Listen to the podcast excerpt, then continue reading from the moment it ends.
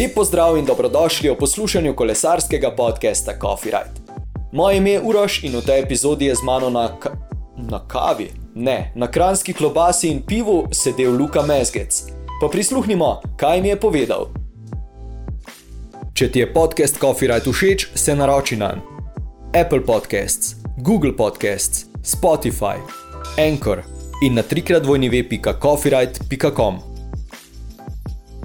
Takole, danes v moji družbi Luka Mezgec. Luka, lepo zdrav najprej. Živijo, živijo.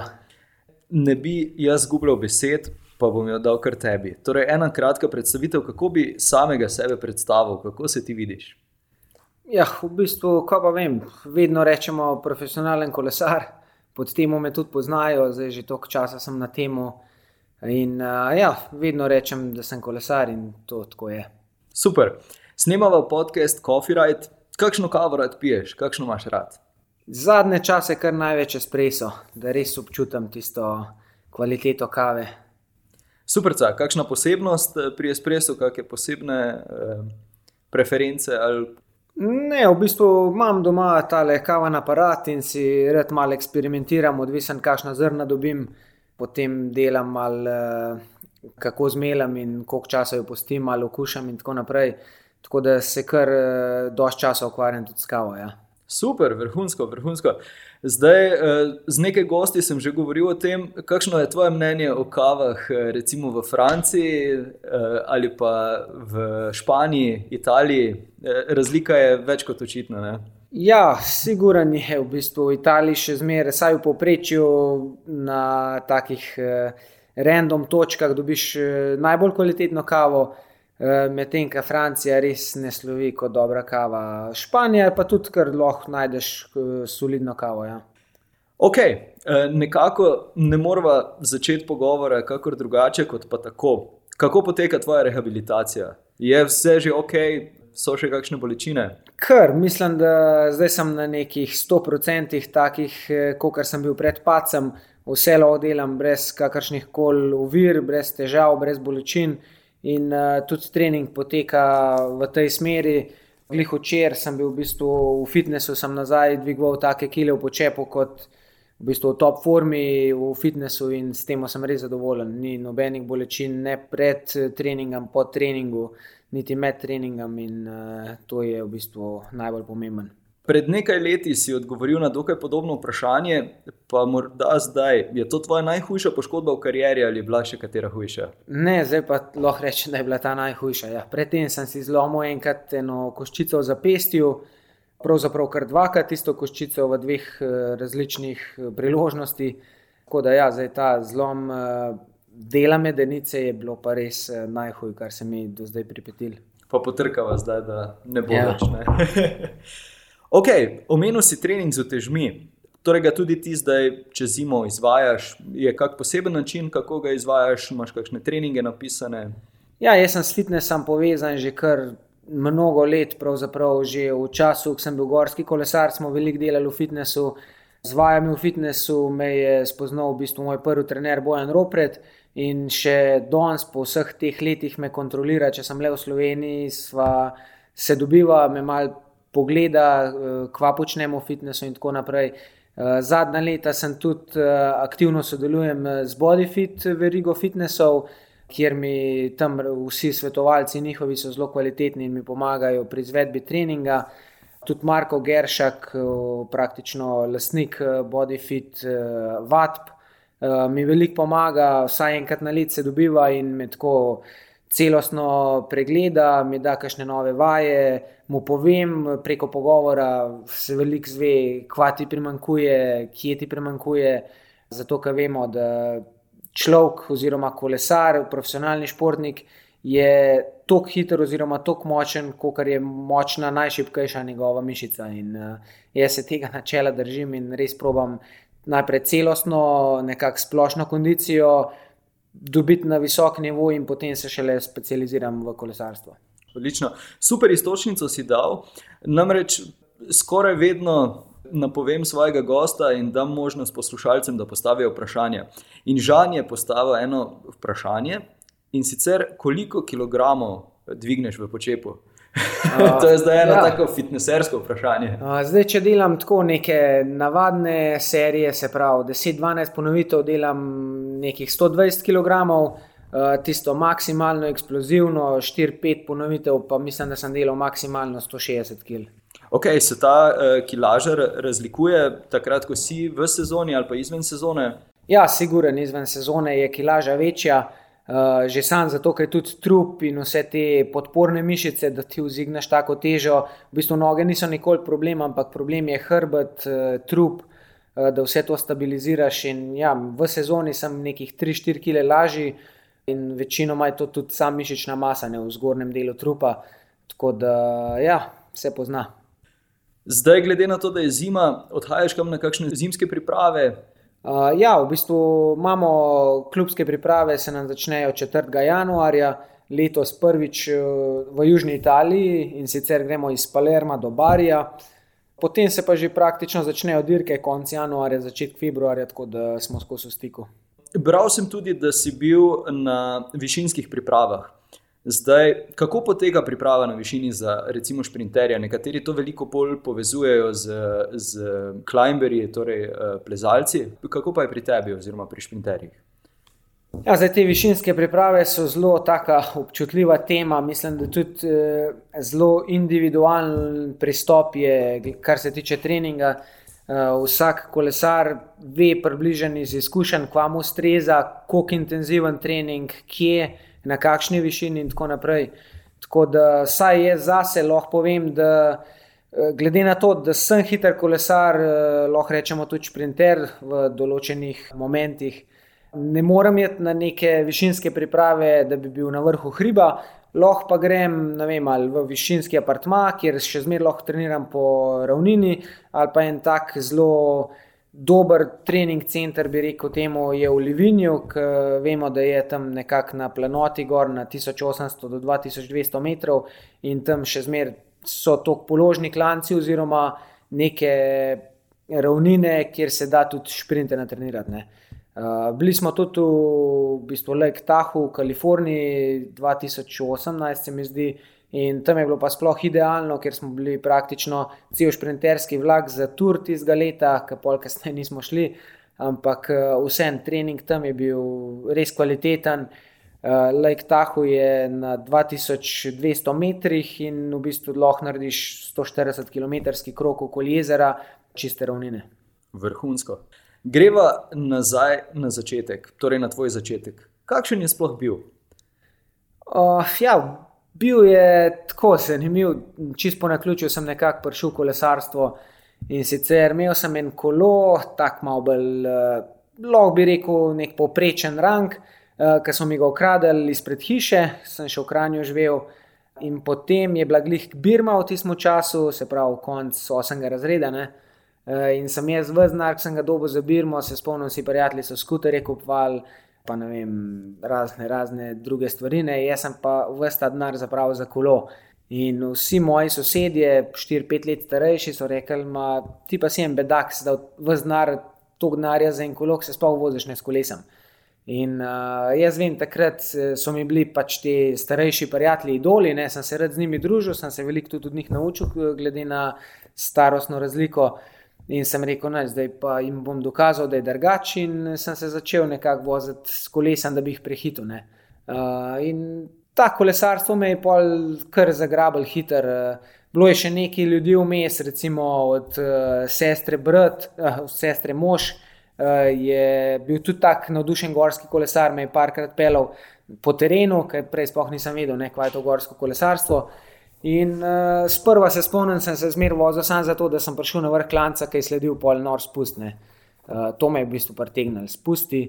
Uh, in z leti, oziroma z meseci treninga, ki sem postajal boljši, tudi uh, v vožnji na ukreber, sem uh, se spomnil, da sem začel se mal štopati na ta klanc, na un klanc in uh, pol nekako dobiš to kolesarsko družbo in te potegne. Naslednje vprašanje se pa navezuje ravno na kontra stvar. Torej, kaj bi počel, če ne bi bil kolesar? Kaj meniš, da bi počel?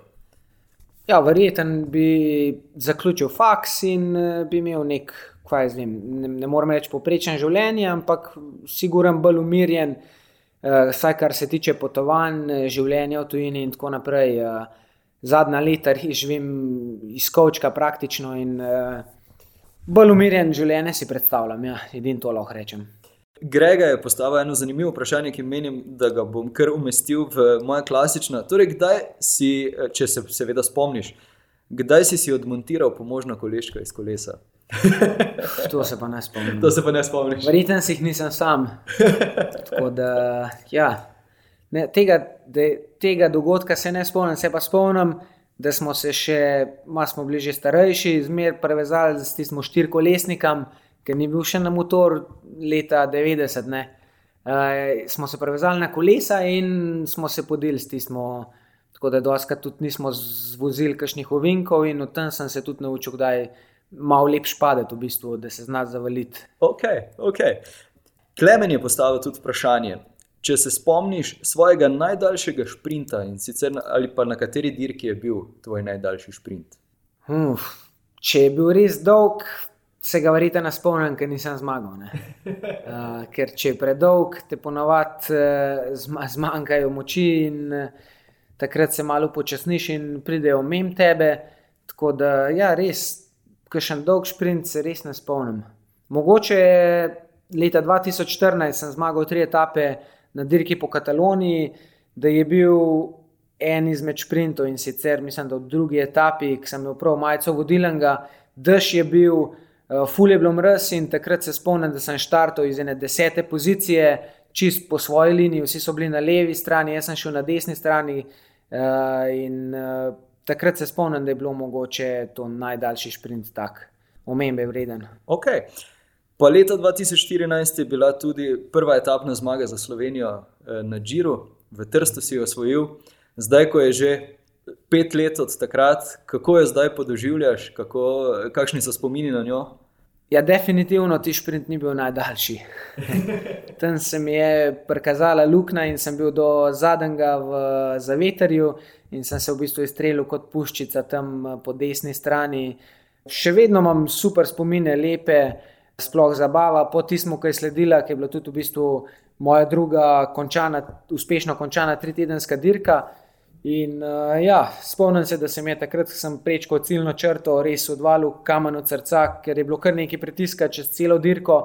Uh, šel sem kaj kot kapetan, uh, Marcel Kittel je sicer bil šprinter v prvih uvodnih etapah, ampak je kaj hitro zbolel in pol sem res lovil tisto zmago. Vedel sem, da sem bil vrhunsko pripravljen, da že prej v isti sezoni sem zmagal kar nekaj takih močnih dirk. In sem vedel, da če se mi sam mečkan sreče pokaže, da se mi poklop, da nav treba zabrenzati v sprintu, da lahko zmagam. In res smo čakali vse do zadnjega. Če bi moral izbrati, katera tri tedenska dirka ti najbolj všeč? Tour, Giro ali Vuelta? Ja, Tura še nisem vozil, zdaj sedem let sem že v profesionalen kolesar, še nisem doživel Tura, upam, da ga drug let. Zdaj, če pa zbiram med Girom in Vuelto, pa lahko rečem, da ima Giro mal bolj poseben ambient, če lahko se tako izrazim. Ima malo več čara.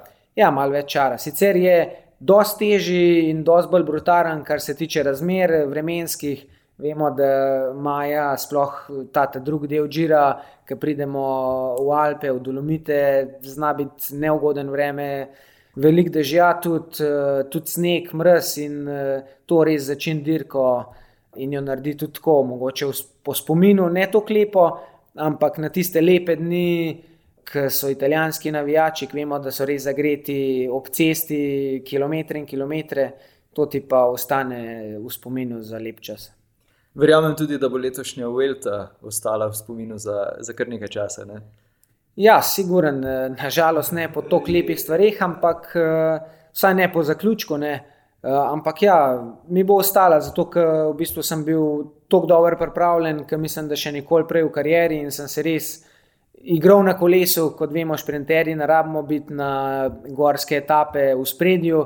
In uh, kdaj sem tudi trpel, recimo na teh gorskih etapah, sam da sem jih zaključil, medtem ko leto sem imel res na gorskih etapah izlet, praktično na 110-120 pulza sem se vozil, eh, gledal okolico v tistih eh, pol težkih oziroma Medium Mountain Stages, ne vem, kako to uh, prevedel. Malo težko se Ja. Uh, etapah sem bil pa eden izmed favoritov in res sem bil super pripravljen, tako da sem čakal na etapno zmago, ki se pa v pol na koncu ni zgodila, tudi zaradi paca uh, sem zadnji teden zgrešen. Ja, takrat se spomnim, da smo z, z Martinom Hvastjo premljevali ta tvoj padec, ker smo ravno takrat debatirali o tem.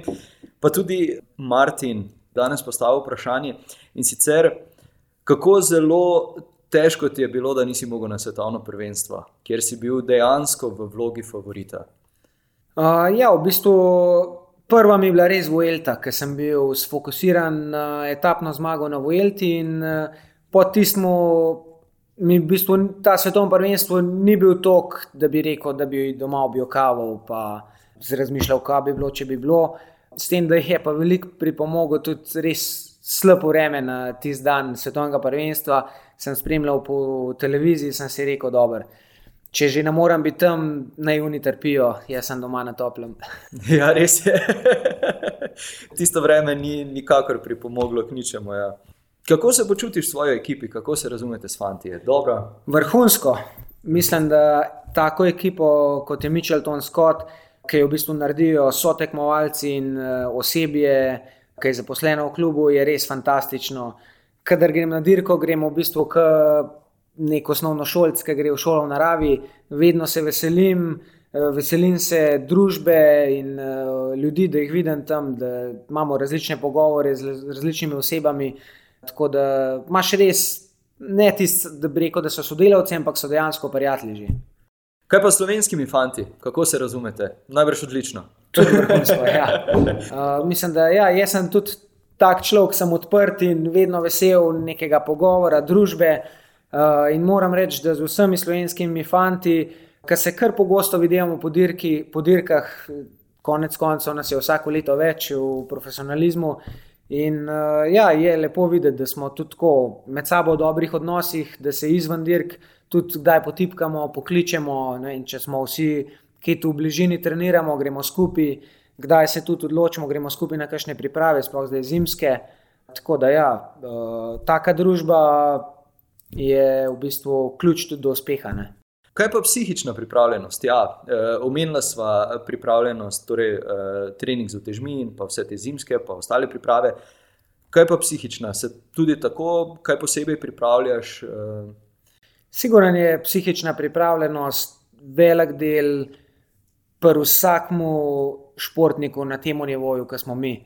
Ker vemo, da glava je, vem, vsaj po mojem mnenju, nekih 40-50% vsega. In če znaš ti v glavi pre, premagati te meje, da jih postaviš malo više, kot misliš, da so, se da potrpeti malo dol, mogoče čez kakšen klanc več prideš, lahko v šprintu malo bolj pritisneš. In uh, siguren se tudi jaz ukvarjam, uh, kar se tiče psihične pripravljenosti s strokovnjaki. Uh, imam enega dobrega športnega psihologa, s katerim sodelujem že, mislim, da dve, tri leta. In uh, kdaj ti ljudje itak so nekako tako strokovno usposobljeni, da znajo postaviti vprašanje. Tudi če ti, jaz se spomnim, prijem sem šel prvič, kaj sem rekel, pismo, kva pa zdaj, sem nam spoh vedel povedati, kva hočemo. Ne. Ampak on tako spele pogovor, te zmer vpraša pravilno stvar, da se znaš odpreti, da znaš priti do težave, v bistvu eh, do teh zavor, ki jih imaš v glavi in polih z njegovo pomočjo probaš odstraniti, oziroma vsaj mečken umiliti, da vse skupaj na koncu, da je performance boljši. Ne. je morda s tem povezan tudi kakšen ritual pred tekmo, etapo? Včasih sem bil mečken vraževeren, vem, se spomnim pred leti, sem zmer na štartni črti, smo, sedeli, smo stali na štartni črti. V cestnem kolesarstvu ni tako pomemben štart kot recimo v Gorcu, kar sem bil prevajen. In se spomnim, sem zmer, kadar sem imel dobro tekmo, sem se prej hrbet uh, malo tako pretegnil. Ne? In to sem delal kar nekaj časa, ampak pol tudi, da nisem naredil, pa sem še zmer lahko ali dobro odvozil ali celo zmagal, tako da tudi tisti v vodo padali. In zdaj dejansko nisem reživeren, nimam rituala. Sam vem, da če vse naredim pred tekmo, kot sem si zamislil, če sem zdrav, če sem motiviran, bo tudi rezultat na vizostov. Da se malenkost vrnem nazaj, omenil si, da si bil letos res v top formi. Je kakšen poseben trening potreboval k temu, ali kaj misliš, da se je poklopilo letos, da, da je res bil tisti top, top nivo? Ja, letos sem malo eksperimentiral s to višino oziroma z višinskimi pripravami. Moram reči, da prejšnja leta sem že bil na nekih višinskih pripravah, ampak nikoli ne tako visok in vedno nekako z ekipo, ker vemo, pač v ekipi se moraš prilagajati neki skupini kolesarjev in doskrat mogoče narediš malenkost preveč in se pozna pol. Če 14 dni, moraš biti v formi, nisi nekaj, že mogoče zadnji teden trening kampa v formi. Tako da letos sem res rekel, probam priti na mojo idealno težo. Odločil sem se, grem na višino, da bom vse te moteče faktorje, ki so pač, kjer večino treningov narediš, eh, izključim in se res posvetim sam sebi. In uh, ja, sem preživel en mesec na višini, s tem, da sem šel vmes še na dirko po Polski. Uh, in sem res treniral, kot sem si jaz zamislil, niti ne, kot so mi v klubu rekli, imamo tu trenerje tam. Eh, z mojim trenerjem eh, Bojanem Ropretom sva se slišala že pred odhodom na te priprave in sem mu nekako povedal, kva mi manjka, oziroma kva čutim, da moram narediti, da bom dober. In eh, sva nekako naredila nek plan, ki je bil na koncu res uspešen, vsaj kar se tiče forme. Dober, rezultat tega je, sta bile dve etapne zmage na Poljski, kar mogoče ne odseva vsega, kar eh, smo pridobili tam v Livinju. Ampak ja, vemo, da v kolesarstvu, spoh, če si šprinter, se ti more poklopiti marsikaj. Ne. Jaz tudi nimam nekega šprinterskega vlaka, da me vsak dan, kjer je šprint, pripeljejo na 170 metrov in pol pohodam. Ne. Se mi more od 5 km do cilja do 200 metrov do cilja vse idealno izteči, brez da zabrenzam, da ne naredim nekih dodatnih pospeševanj. Ja. Super. Kaj pa novosti pri opremi, recimo, tudi to spremljaš, tudi to uh, poskušaš nekako upeljati uh, k sebi, ali je to v bistvu povezano z, z tem, ko imate recimo ekipnega sponzorja? Dosti je povezan z ekipnimi sponzorji, moram reči, ampak uh, mogoče te novitete, ki pridejo pri konkurenci, jih tudi te znamke oziroma te brendi, ki jih mi kot uh, ekipa dobimo preko sponzorjev, se zelo hitro nekako ufurajo na isto valovno raven. Uh, se pravi, če bo neka konkurenčna firma naredila nek dodatek ali pa spremenila ne, menjalnik, feltne, da bodo tok pa tok hitrejše. Lahko pričakujemo v šestih mesecih, da bo tudi naš brend imel to. Uh, tako da, ja, sodelujemo zmeraj, vsaj recimo po moji strani, v naši ekipi imamo ta, to srečo, da imamo močne opremljevalce in uh, oni lahko sledijo temu trendu ne, uh, tehničnih izboljšav. Uh, res pa je, da imamo tudi sami oddelek, uh, imamo zaposlenega človeka v klubu, ki v bistvu skrbi in cele dneve sam na internetu brska raziskave, brska vem, določene teste. Kva deluje, kva ne, ker vemo, da živimo v takem času, da je uh, teh informacij na pretek, in več kot 99% vseh informacij je doskrat napačnih, ker so pač marketniško usmerjene. Ne. Zdaj, pa pa dejansko deluje, je pa na tem našemu človeku, da sproba in pol da nam. Uh, in če v neko stvar verjame, da najprej vem, dvem, trem kolesarjem, ki so tudi mogoče malo bolj dovzetni do teh izboljšav, oziroma jim ni v, v napoto. In ja, da pa še oni potrdijo, se nekako to da na vse kolesa in gremo naprej. Kaj meniš pa o bike fittingu? Videl sem, da si ga opravil. Kakšno je tvoje mnenje zdaj? Je bil to prvi bike fitting? Sklepam, da ne. No, ampak, uh... Ja, z bike fittingom sem se prvič uh, spoznal v bistvu 2013, ko sem bil moje prve leto v, v tujini, v bistvu v profesionalni ekipi.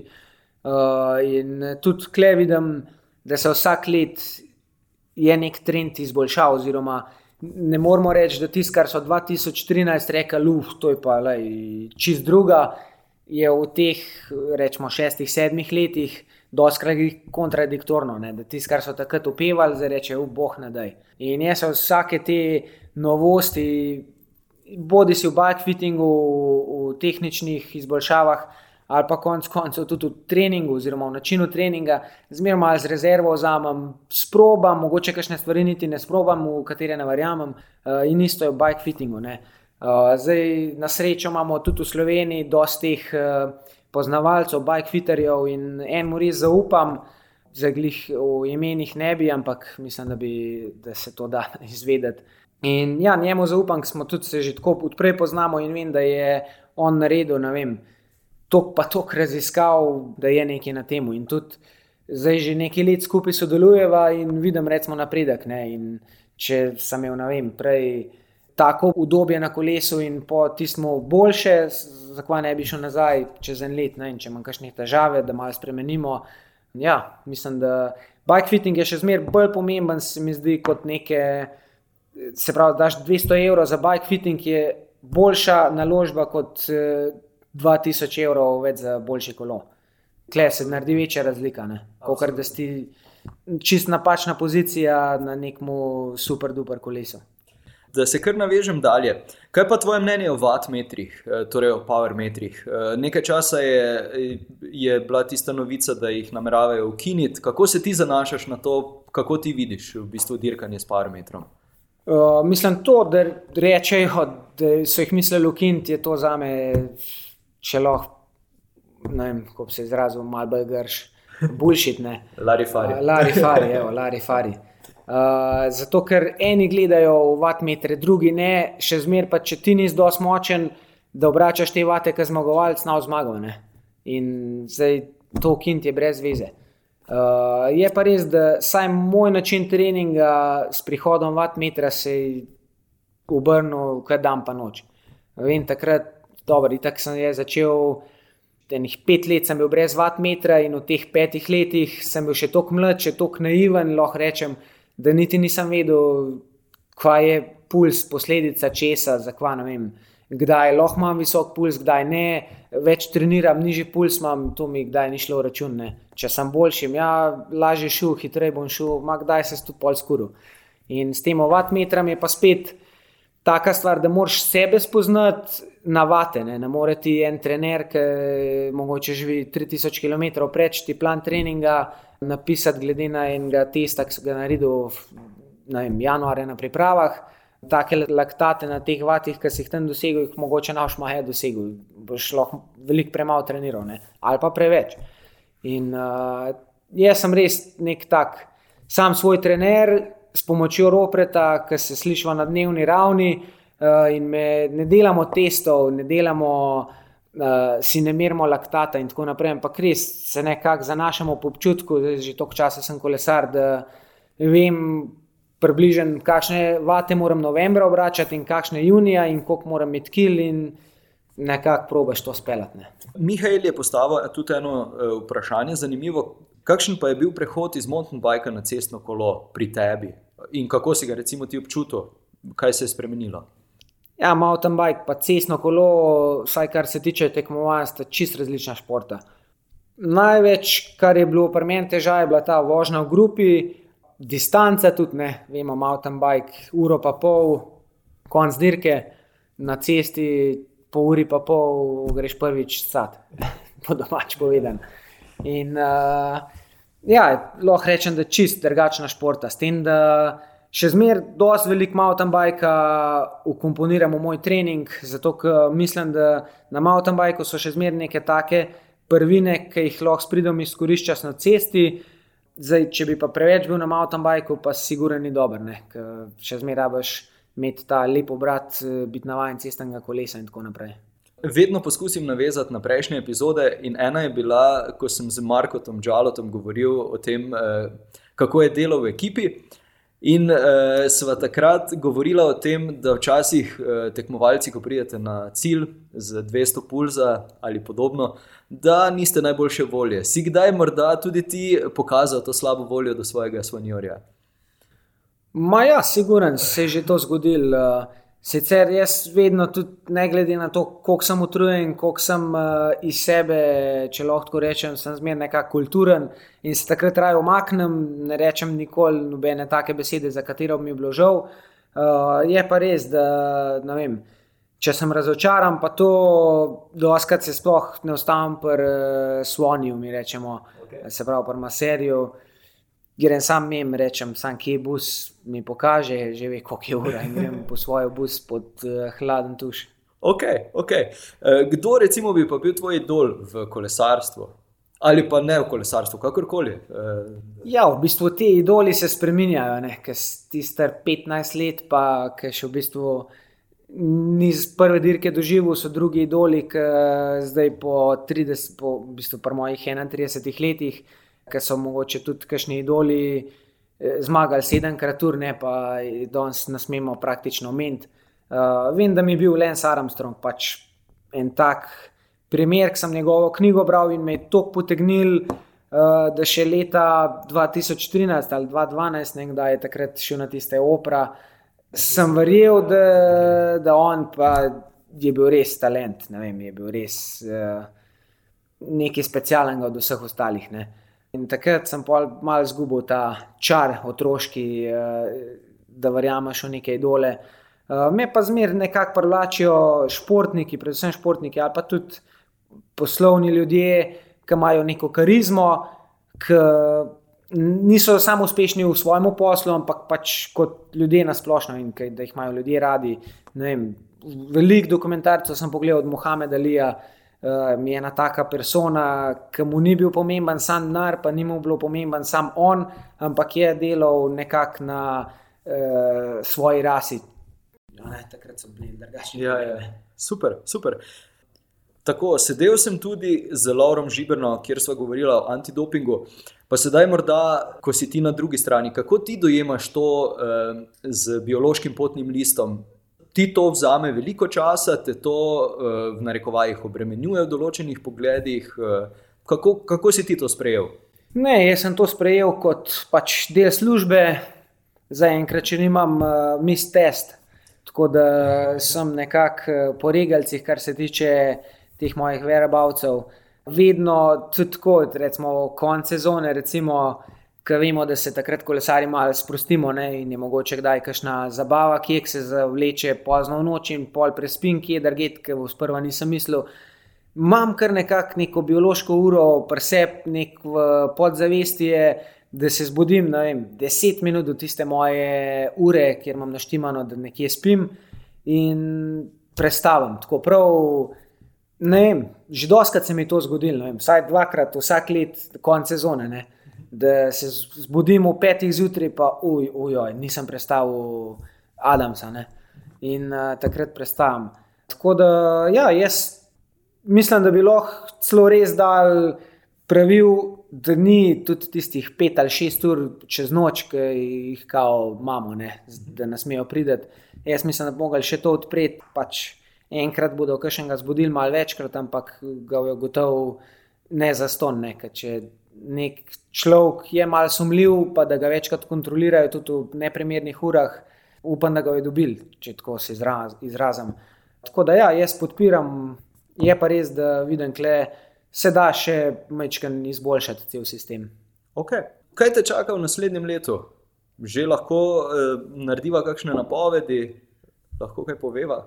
Uh, ja, zelo podoben plan bo v bistvu kot letos. Vsaj ta začeten plan sem že dobil od eh, športnih direktorjev in uh, začnemo v Valenciji, tako kot tudi letos.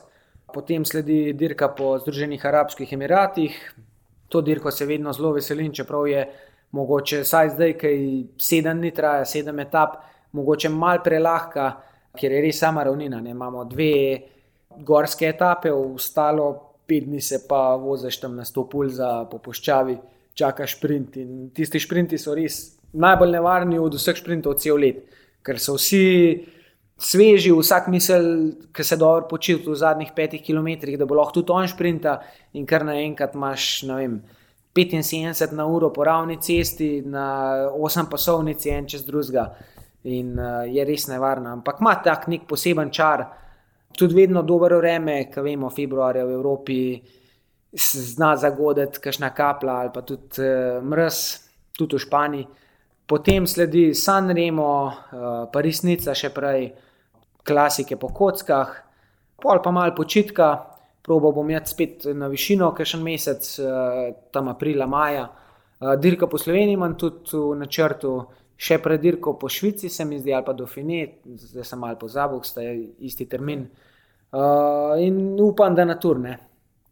Ja, zdaj že dve leti, tri leta mi nekako obljubljajo, zdaj drug let uh, sem nekako spet mentalno pripravljen, da mi julija v Franciji. Super, jaz, jaz ti želim vse dobro pri tem.